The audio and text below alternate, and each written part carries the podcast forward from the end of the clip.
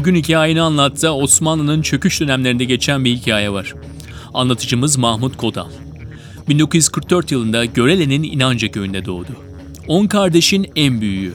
Mahmut televizyonun olmadığı bir dönemde uzun kış gecelerinde odun ateşi etrafında dinlediği hikayelere sarılarak uyurmuş. Aile büyüklerinden dinleye dinleye büyüdü ve onu derinden etkileyen bir hikayeyi paylaşacak bizimle. Olay 1910'ların başında gerçekleşiyor. Babasının dayıları olan Osmanoğulları ve annesinin amca tarafı olan Salihoğulları arasında nesiller boyu süren bir husumetin hikayesini anlatacak bizlere. Osmanoğulları köyde mal mülk sahibi, sözü geçen, görmüş geçirmiş bir aile. Osmanoğullarının bir oğlu zamanın medresesinde okumuş, ilim irfan sahibi olduğu gibi de yakışıklı da. Salihoğulları ise Osmanoğulları kadar varlıklı ve eğitimli bir aile değil. Fakat kabadayılık yaparak köydekileri yıldırmayı ve daha fazla söz sahibi olmayı istiyorlar. Osmanoğullarını kendilerine engel olarak görüyor ve onlardan rol çalmak için plan yapmaya başlıyorlar. Aile meclislerini bir araya getiriyor ve tehlikeli bir oyun hazırlıyorlar. Osmanoğullarının yakışıklı ve eğitimli oğlu Mustafa'yı öldürüp aileyi güçsüz bırakmak ve tüm varlıklarını gasp etmek. Şimdi Mahmut hikayeye devam ediyor.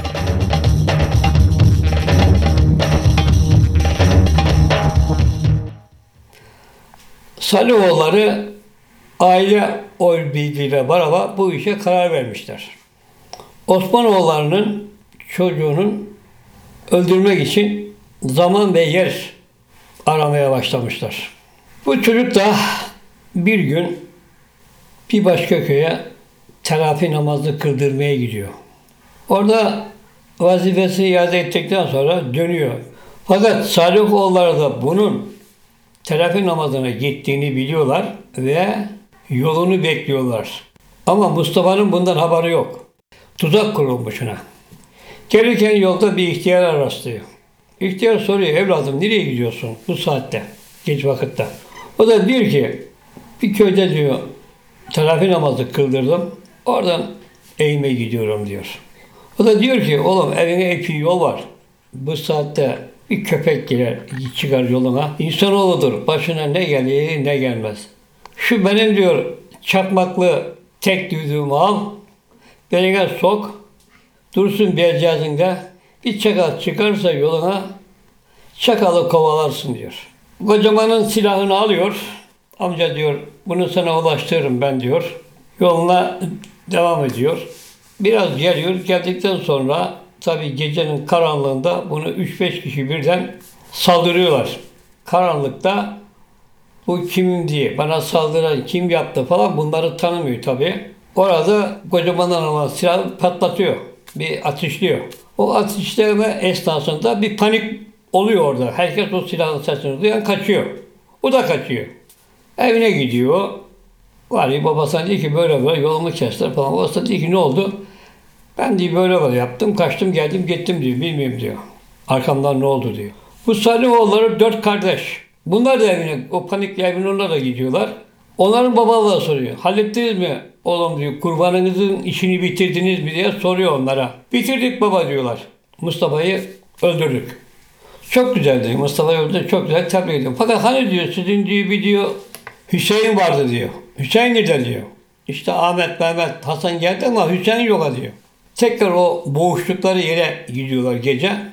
O zaman ışık yok. Bir kibrit çakıyorlar. Bakıyorlar ki ölen kardeşler. Tabii Hüsnü'ne uğruyorlar. Perişan oluyorlar. Bu sefer diyorlar ki biz yoldan geçiyorduk ya bizi diyor ateş etti, kardeşimizi vurdu diye adamın üstüne iftira atıyorlar. Gecenin şahidi olmadığı için de Mustafa kendini savunamıyor.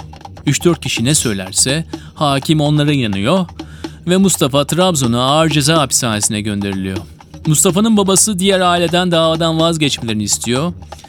Salihoğulları ise bu sayede şantaj yaparak Osmanoğullarından toprak koparıyor. Bir de üzerine üstlük köyde anlaştıklarını sanan Osmanoğulları mahkemede diğer tarafın çark etmesi üzerine bir kere daha sarsılıyorlar. Trabzon'dan Sinop'a nakledilen Mustafa okur yazar olduğu için dışarı namaz kıldırmaya gönderiliyor. İşte gidip gelmeler arasında hapishane civarında yaşayan Asiye isimli bir kıza aşık oluyor. Bir tarafta intikam, bir tarafta aşk. Mustafa hapishanede çıkışsız kalıyor.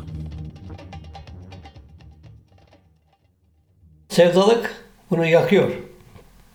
Kafasına takıyor. Ben ancak bu muhabbetinden kaçarsam orada bu kızla beraber evlenirim diye kafaya takıyor. Kız da bunu okey veriyor tabii gizliden gizliye veriyor herhalde. Bu kendini bir gün denize atıyor kaçmak için. Denize atıyor ama denize atardığında jandarmalar bunu görüyor. İşte silah atıyorlar, bilmem ne atıyorlar, peşine o bu. Bu da biraz gidiyor, yoruluyor. Denizde daha geri dönecek. Yakalıyorlar onu. Bu bu sefer babasının yanına gidiyor. Babası diyor ki baba beni buradan kurtar yani. Beni buradan kurtar. Al dışarı bilmem ne. Babası mahpushane müdürüne çıkıyor. Ama babasına demiyor ki ben burada sevdalandım. Böyle böyle demiyor babasına.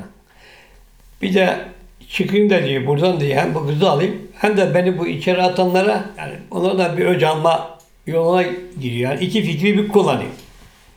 Nihayet Mustafa Caz bir gün emir geliyor hapishaneye. Mustafa Kastamonu cezaevine nakli. Bu nakil kağıdını alıyor. Yanına da iki tane jandarma katıyorlar. Hadi bakalım yola ravan. Bunlar gidiyorlar. Gidiyorlar öğlen yemeği yemek için bir çeşmenin başına oturuyorlar. İki jandarma bir de mahkum. Yemeğini yiyorlar, sohbetini yapıyorlar. Yirken orada bu kaçacak ya hani kafaya takmış da kaçmayı. Bilekleri kelepçeli. Bileklerini taşa bir vuruyor. Kelepçe açılıyor. Kelepçe açılı açılmaz askerlerden birisinin silahını kapıyor. O yakına diyor ki davranma. Seni vururum seni vurmayayım diye. Beni bir daha katletme. Silahını bırak diyor. Diyor ki silahını bırak ufuk hattını aşana kadar yürüyün. Yarın silahınızı diyor ya 15 gün sonra silahınızı diyor. Filan köy muhtarından alın diyor. Askerler tabii silahlar olmadığı için bile bir yenik düşüyorlar. Onun dediği emelere uyuyorlar. O da burada kaçışını gerçekleştiriyor. Bundan sonra geliyor köye babasının yanına. Tabii kaçak olarak baba böyle böyle önce diyor bu diyor düşmanlarından hesap soracak. Babası da diyor ki oğlum ben senin baban hatam. Sen bunun bir tanesini öldürdün. Ama öyle ama böyle. Bu gitti. Bir daha birini daha vuracaksın. Yahut bunlar da gelip seni vuracak. Ben zaten diyor bir iki bahçe verdim. Bir iki tarla verdim bu işe diyor. Sen de öleceksin. Tarla önemli değil. Sen de gideceksin. Ben diyor ne senin ölmeni istiyorum. Ne de bir daha bunlara bulaşmanı istiyorum. Ben atamsın, babamsın. Böyle bir şey istemiyorum diyor. O da babasının bu sözüne evet babacığım madem sen öyle diyorsan öyle olsun diyor. Ben de seni kırmayayım diyor. Aradan 3-5 ay geçtikten sonra Mustafa Asiye'yi kaçırmak için gizlice Sinop'a giriyor ve ilk işi kızı istemek. Kızın babası Mustafa'nın hükümlü ve kaçak olduğunu biliyor ve bir gecenin sabahında Mustafa'yı yakalatmak için bir plan yapıyor. İşte bunu anlayan Mustafa bir daha gelmem diyor ama oradan çıktıktan 3-5 gün sonra Asiye'yi başka bir yerde yakaladığı gibi kaçırıyor.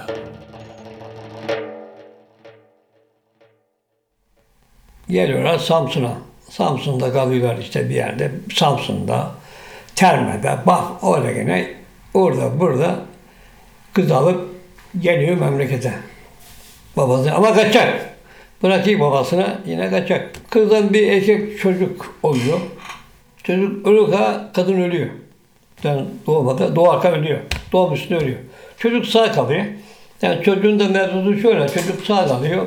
Ondan sonra analık banalık kalıyor. Çocuğu büyütüyorlar. Çocuk büyüdü, subay oldu. Türk ordusuna. Kore'de Tahsin Yazıcı'nın cemberine girdi. Orada kurtuldu. Yalnız kazi olarak kurtuldu. Geldi Türkiye'ye tekrar. Türkiye'de birkaç şey rütbelerini aldı. Ondan sonra da ömrü vefa etmedi. Allah rahmet etsin.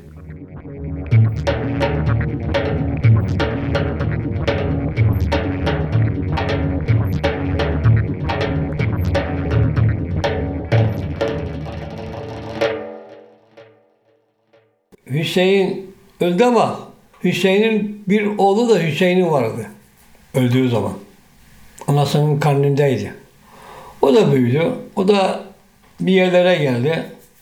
Köyün muhtarı oldu. Çocukları okudu. Onun çocukları da mühendis, doktor, avukat oldu. Mustafa Hüseyin'in babasını öldürdü ya. Bu da babamı bu Mustafa öldürdü diye o kini unutmadı. O kini unutmadı.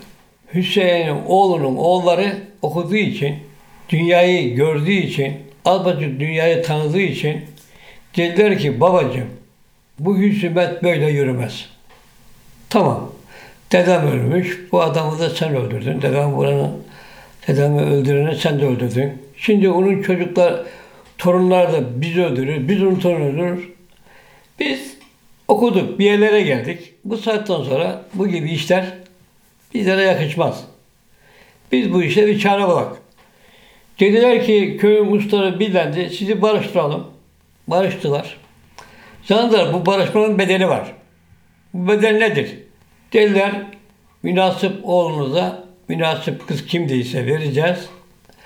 Sen ona sen ona vereceksiniz. Bu aradaki bu olaylar kapanacak. Ve bu olayları bu şekil kapattılar. Bugün hepsi iyiler, haslar. Hiçbir husumet, dövüş, niza aralarında olmaz. Çok güzel köyünde, kentinde insanlar gibi yaşıyorlar. Köyünü, kentinde seviyorlar. Herkes mutlu.